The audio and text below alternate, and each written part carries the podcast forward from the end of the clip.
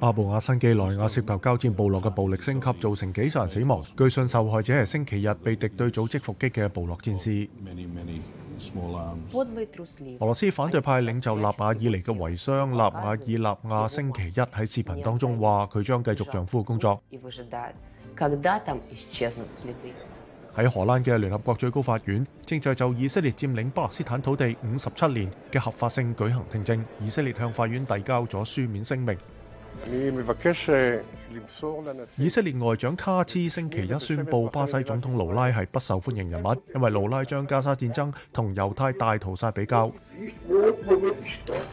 一名三十一岁嘅美国男子星期一喺德国承认犯下谋杀同强奸罪，据称佢旧年六月喺新天安堡附近将两名美国妇女推下峡谷。